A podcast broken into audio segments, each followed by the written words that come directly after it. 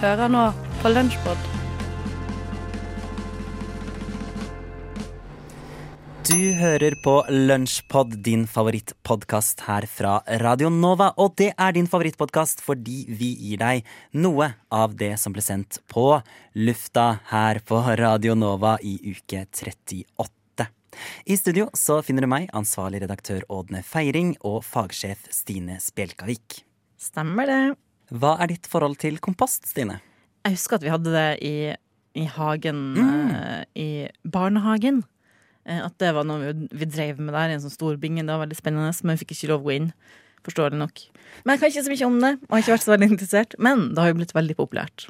Har du en sånn liten boks på benken? Nei, jeg har ikke det. Nå fikk jeg bare sånt nydelig bilde av sånn liten versjon av Stine som står utenfor komposten og bare 'Jeg vil inn'. Ja, det er spennende det som eh, skjer der inne i komposten, og det har Hanne Grydland i Vitenselskapet laget et innslag om.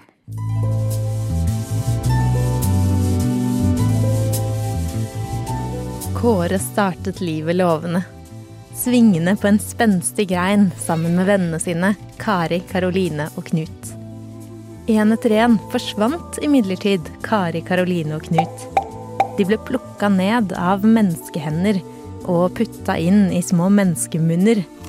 Eplekroppene deres tygd i stykker så eplehuden revna, og eplekjøttet rant ned i menneskenes magesekker i små biter, der de ga liv til menneskebarnas hopp og sprett i eplehagen. Men Kåre ble hengende. Kåre hang på greina og så hvordan likene, eller epleskrottene, til vennene hans ble kasta i en trekasse i det ene hjørnet av hagen, der det blir liggende sammen med løvrester, kvister og gammelt avispapir.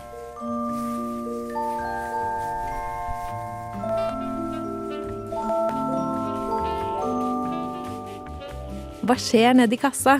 tenkte Kåre, og fant fram smarttelefonen. Han hadde hørt menneskene i hagen kalle likkisten for kompost. Og selv om Kåre var et eple og ikke hadde fingre, klarte han å google det fremmedartede ordet kompost. Kompost er nedbrytingen av organisk avfall til ny jord, leste Kåre. Og om ca. to måneder vil epleskrottene etter Kari, Karoline og Knut være omgjort til jord. Men hvordan vil det skje? Kåre googlet videre. Kompostprosessen starter med at sopp og bakterier kravler seg fram til det organiske avfallet i kompostbingen og skiller ut enzymer som begynner å bryte ned avfallet. Å nei, tenkte Kåre. Jeg håper virkelig at Kari, Karoline og Knut døde da de ble spist, og ikke er bevisste nå. Når epleskrottene deres er brutt ned av enzymene, spiser nemlig soppen og bakteriene opp den nedbrutte massen. Vil si, mikroorganismene tar opp i seg nitrogen, fosfor og karbon fra matavfallet. Bakteriene og soppen bruker to tredjedeler av karbonet til forbrenning. Vil si at karbonet omdannes til energi og CO2, som mikroorganismene puster ut til atmosfæren. Og den siste tredjedelen av karbonet den kombineres med nitrogen og brukes som en byggestein i mikroorganismenes egne celler. Dette betyr at en god kompostbinge bør inneholde mye mer karbon enn nitrogen, og oksygen må være til stede, leser Kåre.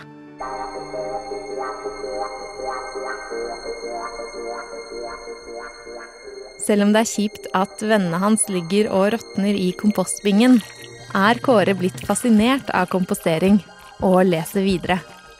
Forbrenningen av karbon i mikroorganismene fører ikke bare til utslipp av CO2, men også til at temperaturen i kompostbingen øker til ca. 40 grader celsius.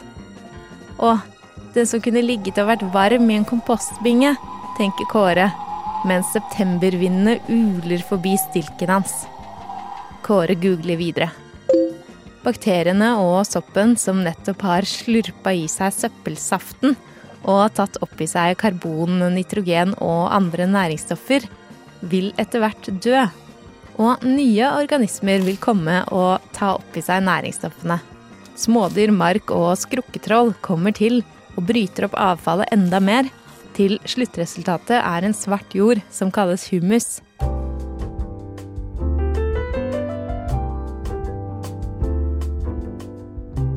Kåre er med ett ikke lenger så trist over tapet av Kari, Karoline og Knut. De blir jo omgjort til humusjord, som kan brukes til å dyrke nye planter.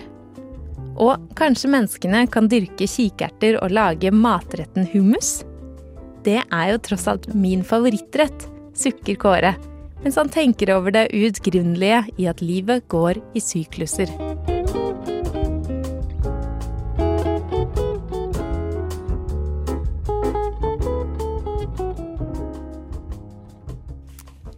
Men eh, da regner jeg med at eh, du kaster deg på hjemmekomposttrenden, Stine? Ja. Nei, ikke helt overbevist der. Vi får se på det. Det er greit. Det kan jo på en måte hende at det å drive med kompost ikke passer helt til din identitet. Og hvis du begynner med det, så opplever du en identitetskrise. Ja, det skal du ikke se bort ifra. Og akkurat identitetskrise er jo det som Regine i Frokost har eh, opplevd den siste tida. Det har seg nemlig sånn at hun nå står midt i et veldig personlig dilemma, som jeg syns er veldig interessant. Eh, og det tror jeg vi bare kan eh, sette over til frokost for å finne ut. Da jeg var 13 år, så flytta jeg fra Narvik til Sandefjord. Da la jeg fra meg denne dialekten og begynte å snakke litt mer den- Det hørtes ut som en som sånn sportsjournalist fra Ja, NRK. er det? Ja. Ja, gjør det? Bare Da har bare Klæbo tatt gullet Ja, en gang Bare til. prøv. For det her går vi rett på sjølve identitetskrisen. Ja, men det, det ligner på hun der. Hva heter hun dama? Hun er med i NRK, vet du. Er helt lik. Det er helt er hun, fra, hun er kanskje fra samme sted som meg, da. Er, det er er helt likt, men jeg husker ikke hva hun heter. Nei, nei, nei, men det er ikke så farlig. Problemet er at eh, jeg har lyst til å bytte tilbake til sånn her direkte. Fordi at jeg føler meg mer som meg sjøl. Ja, og det er sykt rart, og det her er det som er poenget. Hvordan skal jeg gjøre det i så fall? Skal jeg bare begynne å gjøre det, og da blir alle å spørre meg hvordan, hva, hvem er du, og de må bli kjent med meg på nytt? Skjønner du? det? Jeg er jo en annen person. Eh, eller skal jeg ha liksom en stor fest hvor jeg liksom annonserer liten sånn performance art Da må sak? du gjøre det sånn, typ sånn babyshower-aktig greie. Sånn, sånn Ja, nei, jeg vet ikke. Sånn eh, pop the balloon, og så Ja. er det sånn Jeg skal være nordlending nå! Åh, nei, jeg tror ikke jeg kan gjøre det. Men hva syns dere? Hva, kan Det er bare veldig rart. Jeg, Det er jeg, jeg føler rart. ikke at jeg, jeg sitter i rom med jeg satt i med. Oi, jeg klarer ikke å snakke engang, jeg. Ti minutter siden. Du har fått slag. Så, ja, jeg har fått litt slag. Jeg får litt, litt slag hver gang. Hver dag. Men, men OK, Regine. Det, det du Åh, jeg jeg syns det er veldig jeg, jeg har lyst på dialekt selv. Ja. Jeg skulle ønske at jeg kunne snakke dialekt. Ja, ja. Så jeg syns at du må liksom jeg, jeg syns at du skal gjøre det. Men du må, du må gjøre det her litt sånn Man må være litt forsiktig. Okay. Fordi folk kommer til å være skeptiske til deg. Så Ja. det jeg tror at du må, du må um, Nå må du oppsøke et nytt miljø. Og så alle de du blir kjent med fra og med i dag, nå klokka eh, den 20. september 2019 klokken 07.26. Hver gang du møter noen nye mennesker nå, så må du si 'hei, jeg heter Regine', og så må du være nordlending. Og så hver gang du snakker med eh, folk som du kjenner fra før av, da kan du snakke Eller da må du snakke bokmål.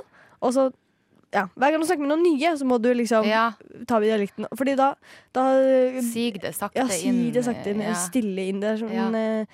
ja. ja. Så det blir å ta noen år, tenker du da? Ja, ja. Liksom, Men- den overgangen her. Ja. Men har dere, har dere sett Friends? ja. Sett den episoden hvor Eller ikke, det er vel en episode hvor Ross er, han er sånn professor. Og så har han lagt på en britisk sang, for den er så nervøs. Og da prøver han å face den ut. Ja. At han liksom snakker eh, engelsk, og så begynner han med eh, altså begynner han med liksom amerikansk, og så eh, Det er sånn veldig merkelig greie. Det kan du prøve. Å bare blande de helt til du bare, du bare blender inn. ja. Altså Plutselig så bare blir det sånn Narvik-opplegg. Så jeg bør ha veldig sånn rar blandingsdialekt lenge. Ja, bare prøv å snakke litt blandings nå. Nei, hva, hva? Nei, da blir det annenhver litt sånn begge delene eh, opp eh, og ned, eller sånn eh, Kan jeg si hei til noen, og så kan jeg si ja, eller du til deg, og så Det kan er jeg som du har en litt annen stemme Ja, det- når du det- ja. Ja, gjør det mye mørkere stemme. Og sånn. Men jeg, jeg drømmer jo på nordnorsk. Og jeg teller, Hæ, gjør du det? Ja, ja. Så jeg, jeg, jeg, jeg tenker at det er liksom å leve litt i en livsløgn. Jeg kan ikke. Jeg må finne tilbake til den her. Jeg har tenkt på det i flere år. Det er første gang jeg drøfter det jeg hadde. Jeg, jeg syns det, det var rart. For jeg, synes, jeg, Ja, jeg, er tenkte det sånn ikke der, litt annerledes nå?» Oslo-borgeren. Jo, nå, Nå nå er det en annen person. så det tar ikke så lang tid Jeg syns heller. jeg synes det det det. Jeg er vanskelig å se det inn i øynene. Okay. Jeg men, men jeg liker det veldig, veldig veldig godt. Ja. Jeg syns du skal gjøre det. Men jeg mener at alle med, med, med dialekt høres mer intelligent ut. OK, da skal jeg hvert Oi, brannfakkel. Nei, jeg mener, jeg mener at hvis, Med en gang du har, har en dialekt, så altså, Men kan du ha tatt på deg dialekta di? Ja, men, ja, men bare, bare veldig, veldig kjapt. Fordi Ja. eh, jeg jobber på Elkjøp, og jeg, jeg føler at det, det, det har mye større vekt i, eh, i det de med dialekt sier, enn det jeg sier.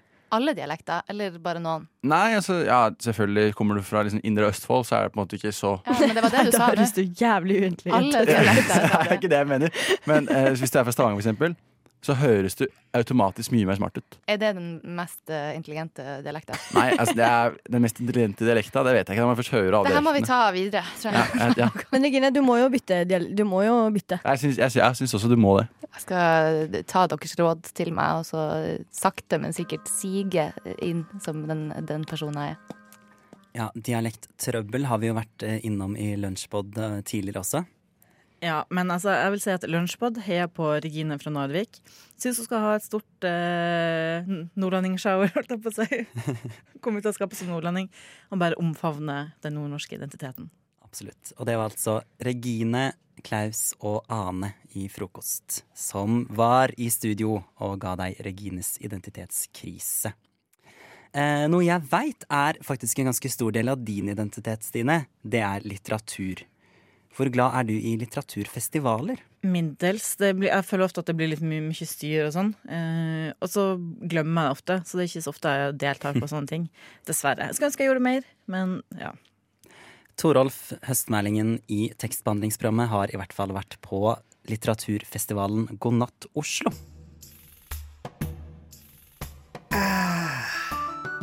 God natt, Oslo. Endelig var jeg her. Etter lange dager på studie, jobb, kjæreste, hund, bil, leilighet, bopel, CD-plater, bøker, mat og stress hadde jeg ankommet litteraturfestivalen for å høre på foredrag og rett og slett bare suge kunnskap til meg. Det første foredraget jeg skulle på, var med den svenske forfatteren Johanna Frid. Jeg skyndte meg inn i festivalteltet, en slags hjort oppført med noe lerret og aluminiumsrør, og fant meg en god plass tett på scenen for å få med meg hver minste detalj. där vissa känslor helt enkelt inte har någon plats utan avskrivs per... Men så merket jeg en tørst stige opp i meg. Den måtte slukkes sporenstreks. När det er veldig spennende, Så, jeg tror jeg skal kjøpe meg en pils til. Kan jeg også få en eh, pils? Hvor mange pils har du solgt i dag? jeg kom akkurat. Jeg bare solgt to hittil. To pils? På en litteraturfestival som denne? Ja, nei, jeg vet ikke hvor mange de andre har solgt. Min hals var fuktet og mitt sinn var åpent atter en gang. Jeg satte meg på min vante plass for å tilegne meg viten mens jeg lesket meg i den gylne drikk. Foredraget handlet om den nylig oversatte romanen til Johanna Frid, som het Nora eller Brenn, Oslo brenn. I deler av boka så er han ganske imøtekommende og prøver å finne ut hva det er som egentlig skjer. Jeg fulgte nøye med, men i min konsentrerte tilstand la jeg merke til at min øl var tom. Jeg var stadig tørst, merket jeg, og for å holde konsentrasjonen oppe måtte mine kroppslige distraksjoner elimineres.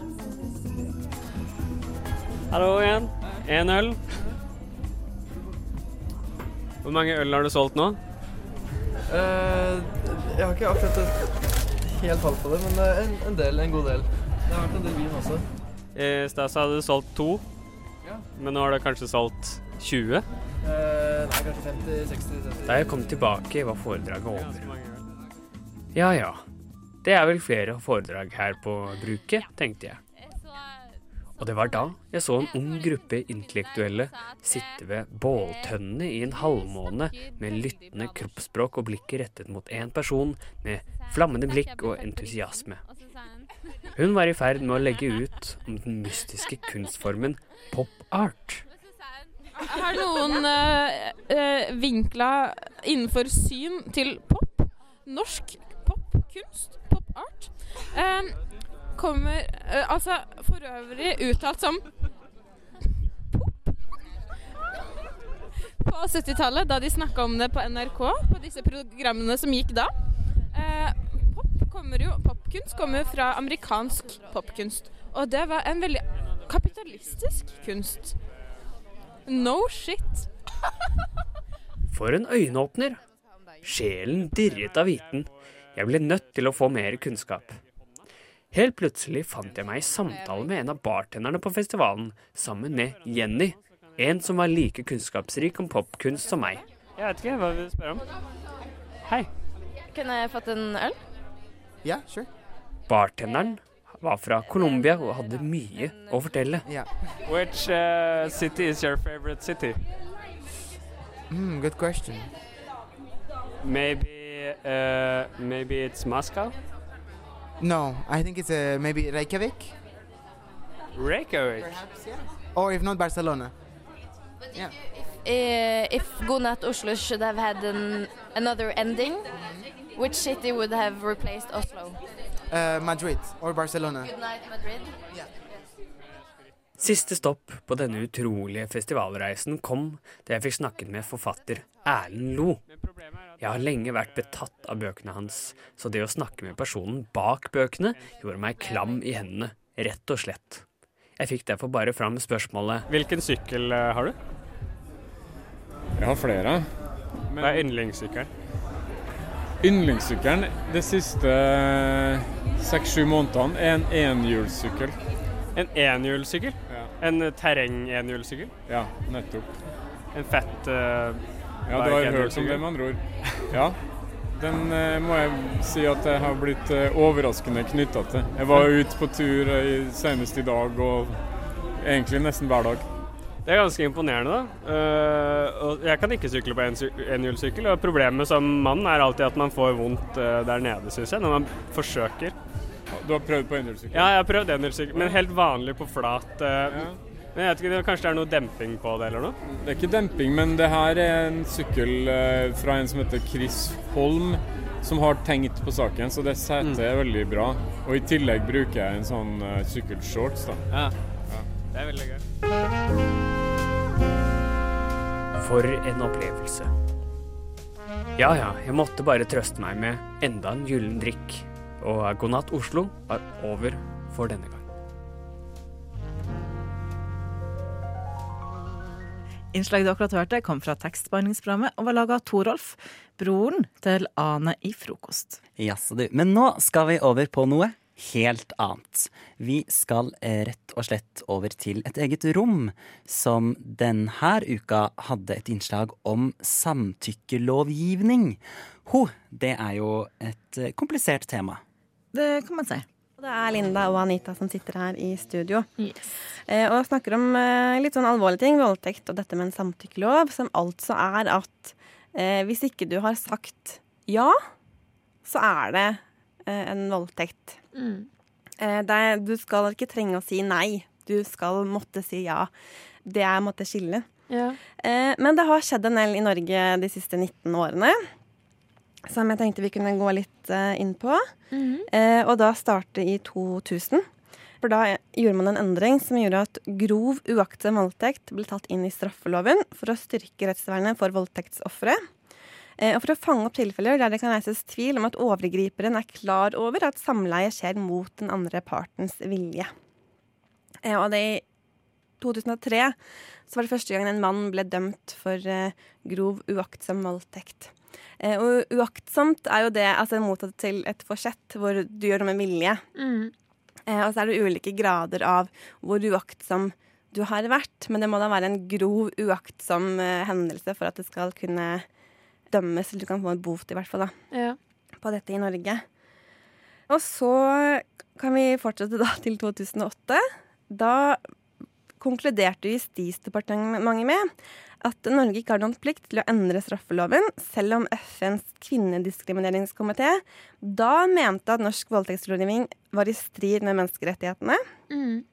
de, de mente da i departementet at det ikke var eh, ønskelig å endre voldtektsbestemmelsen, da det ikke var noe markert praktisk behov for en slik lovendring. Nei, Så norske myndigheter har da valgt å ikke følge opp denne kritikken, da. Ja, rett og slett. Mm. Eh, 2013, da ble forslaget om en samtykkelov vurdert på ny. Eh, da påpekte departementet at en samtykkeregulering kan ha en pedagogisk effekt. Og at det ikke kan utelukkes at det finnes tilfeller av ufrivillig seksuell omgang som ikke er dekket av gjeldende straffebestemmelser. Men man mente da at det ikke var nødvendig, og både Riksadvokaten og Advokatforeningen også mente at det ikke var behov for å endre voldtektsbestemmelsen. Også Oslo statsadvokatembeter uttrykte da i forbindelse med det her det er ikke straffeloven som er problematisk. Problematikken er knyttet til bevis, og at det er subjektive betingelser for straffbarhet.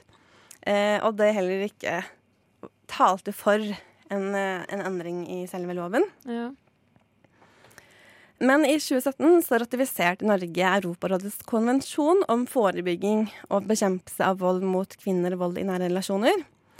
Så det er en del av det norske rettsgrunnlaget i dag. Eh, og der står det at man bør ha en samtykkelov. Tenker at noe må i hvert fall gjøre når én av ti kvinner i Norge blir utsatt for en voldtekt. Da noe må skje her. Ja. Eh, og daværende justisminister Sylvi Listhaug hun skrev da i et skriftlig brev til SV, altså hun fikk et spørsmål i Stortinget. Mm. Eh, bestemmelsen forplikter Norge til å kriminalisere forsettlig seksuelle handlinger uten frivillig samtykke. Men her igjen, da, da er det forsettlig Ja. voldtekt. Eh, og det er kanskje ikke det som er det største problemet i Norge. Det er jo dette med at man kanskje ikke skjønner i situasjonen at nå går jeg for langt. Ja, og da kan man jo Jeg har også sett en uh, undersøkelse uh, som er gjennomført av Ipsos MMI i 2013. Og det viser jo, den viser at bare 44 av unge mellom 18 og 29 år har fått opplæring om seksuelle overgrep og grensesetting på skolen. Og av disse så var det bare 14% som mente da at opplæringen var god nok. Så det må jo bli tatt tak i Altså det må jo gjøres en holdningsendring også.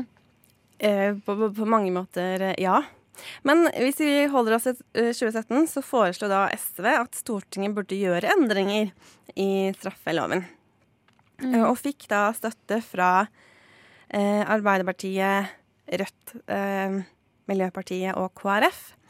Eh, og det eh, Petter Eide i SV da uttalte til Dagbladet i flere intervjuer, det er at eh, Loven må bli tydeligere på at all sex må være frivillig, og at all sex hvor det ikke er uttrykt at det er frivillig, skal være forbudt. Mm. Helt enkelt og greit. Ja. Eh, og at han mente at ved å flytte en sånn formulering om samtykke inn i lovverket, så vil også loven vår fremstå som sterkere, tydeligere, og man vil være eksplisitt på hva man faktisk mener er utenfor da, eh, det som er greit. Ja, for jeg tenker at det viktigste med en slik samtykkelov er at det får en effekt. Og det kan jo hende at en effekt er at loven blir mer tydelig på hva en voldtekt er. Mm. Og det er også et av argumentene til eh, juridisk rådgivning for kvinner, eller JURK. Mm. De mener at eh, loven i dag er ikke så godt egnet til å informere særlig unge mennesker om hvor grensene går. Nei. Mens hvis man har en sånn samtykkeparagraf, så er det veldig sånn Det er så tydelig da, at det er ikke greit, Mm. men det er det. Eh, og det var også en del eh, argumenter fra Arbeiderpartiet og KrF. Om det er ikke sånn at vi har så veldig behov for å liksom endre alt meningsinnholdet, men man vil Nei. tydeliggjøre at nei er et nei også i Norge, Ja. og også i den norske loven. Så det var liksom Det skjedde. Vil du, vet du hva resultatet var? Nei. Det her ble diskutert i Stortinget i april 2018. Ok. Hvor flertallet, bestående av Høyre, Frp, Venstre og Senterpartiet, stemte imot, og dermed så ble det ikke vedtatt. Ok. Eh, ganske snart så skal vi høre litt, eller se litt nærmere på argumentene til nei-siden for hvorfor man ikke ville ha en samtykkelov her i Norge. Eh, men litt tidligere så hørte vi jo en historie eh, fortalt av Synnøve om at manglende samtykke ikke er godt nok når et offer i dag møter i retten. Og den historien, den er ikke unik. Lunsjpod er ikke bare et sted du finner underholdning, men også et sted hvor du finner de store samfunnsdebattene. Og det var Anita og Linda i et eget rom som eh, snakket om samtykkelovgivning. Ja, vi skal over til noe helt, Det var det du sa i stad, også, men vi skal faktisk over til noe helt annet denne gangen også. Vi skal til Sorgenfri. Fri, For Ina og Endre har vært på backpacking. Eh, En ganske stor reise, om jeg ikke tar feil. Eh, Kaja var visstnok litt skeptisk, eh, så det vi skal høre nå, er et utdrag fra Sorgenfri der de snakka om den naturen. Jeg vet også En ting du var veldig skeptisk til, Kaja, eh, som vi skulle gjøre mye av. Og Ja. det var det å bo på hostell. Ja, for det er en av tingene som jeg virkelig sånn Jeg er ganske negativ til backpacking av mange grunner, men bare det å liksom dele rom med masse fremmede mennesker som jeg ser for meg ikke har dusja på lenge, og har lyst til å sitte og spille spill klokka to om natta. Hva var, det, hva var det vi hadde mest vi, hadde, vi sov i rommet? Var det sånn 22 stykker? Ja. ja. 22 stykker. Ja. 22 senger inn i ett rom. Det gjorde vi. Herregud. Men det, men det går overraskende Det- bra, for du ja. blir så jævlig vant til det. Du blir veldig vant. Jeg Og så det hadde vi veldig få opplevelser med folk som var eh, Hva skal jeg si ikke viste hensyn. Ja, men jeg hadde en veldig spesiell historie. Ja, Kan jeg, kan jeg den har jeg også. Du har den, du òg? Ja, du kan få lov til å fortelle. fortelle. jeg, jeg vil starte. Ja. Vi eh, sover på en øy i Mexico, og vi bor i et rom med s- åtte andre. Ja. Plutselig en natt kommer det inn en fyr veldig seint, og han begynner å eh, snakke med seg sjøl. Eh, eller det man tror gjerne er to forskjellige personer, men det viser seg at det bare var han. Han har en litt sånn her, han har sånn Gollum-aktig snakkemåte. Og han hadde han å- to forskjellige stemmer? To forskjellige Å, stemmer. Og den ene var veldig, veldig sånn øh, Sånn Gollum som smyger, og den andre var veldig sånn ynkelig. Og, sånn, Å, og han begynner å slå seg sjøl i uh, Han begynner å spenne i sengen. Helt til han vår australske venn bare som så, så under han, eh, våkner opp liksom, og er litt sånn eh, Sorry, man. eh, is everything okay? Og han bare yeah, yeah, yeah, yeah. Og så begynner han liksom da sakte, men sikkert å bare og, liksom å heste seg opp igjen. Eller liksom å gire seg opp igjen. For han begynner sånn sakte, men sikkert å bare si sånn her eh, Nei, ikke gjør det, ikke gjør det. da Og så bare, jo, gjør det. Gjør det. herregud. Og så bare, nei, nei, nei, nei ikke, ikke. Så, bare, så begynner han å spenne litt. Grann, og så bare er vi på han igjen. da Og jeg, jeg så med åpne, øynene åpne og tenkte sånn Jeg skal faen ikke bli drept på et eh, hostell i Mexico. Vet du Det der er mitt ultimate mareritt. Det er jo akkurat sånn at bare Nå er det faktisk en på dette rommet som er en morder. Det er synd. Da er det vi som må gå først. Ja. Jeg trodde jo at dette her var to mennesker, jeg da. Så jeg sov jo søtt hele kvelden. For jeg trodde det bare var to stykker kamerater som kom hjem fra byen og var fulle. Nei, det var en fyr, og han, eh, vi fikk høre etterpå at han var så drita full når han kom inn eh, den natten, og de måtte basically bære han opp. Og han var visst en kjenning òg. Han har bodd der veldig lenge. Å, herregud. Vær så god. Man opplever mye rart når man må dele rom med masse fremmede. Ja, definitivt. Og eh, der Jeg er enig med Kaja der. Altså, Det der er jo nesten grunn nok til å holde seg unna å reise. Men er det ikke de Det er jo de historiene som blir morsomme etterpå, da. Ja, det er jo de beste historiene. Det er jo de der du er livredd for å bli drept. Ja ja, så har du kanskje besteget Mount Everest og eh, vært på safari i regnskogen i Amazonas. Men eh, husker du den gangen jeg bodde på hostell, eller? Det er de historiene som er de beste. Altså, Jeg har holdt på å miste livet sykt mange ganger da jeg var i Den dominikanske republikk, men det kan vi snakke om mer senere, for Lunsjpod nærmer seg jo dessverre slutten. Det gjør den. Eh, Men heldigvis så finner du flere episoder av Lunsjpod der du hører podkast. I studio i dag så hørte du Ådne Feiring og Stine Spjelkavik Hansen. Jeg lot deg si det sjæl, jeg, Stine. Takk.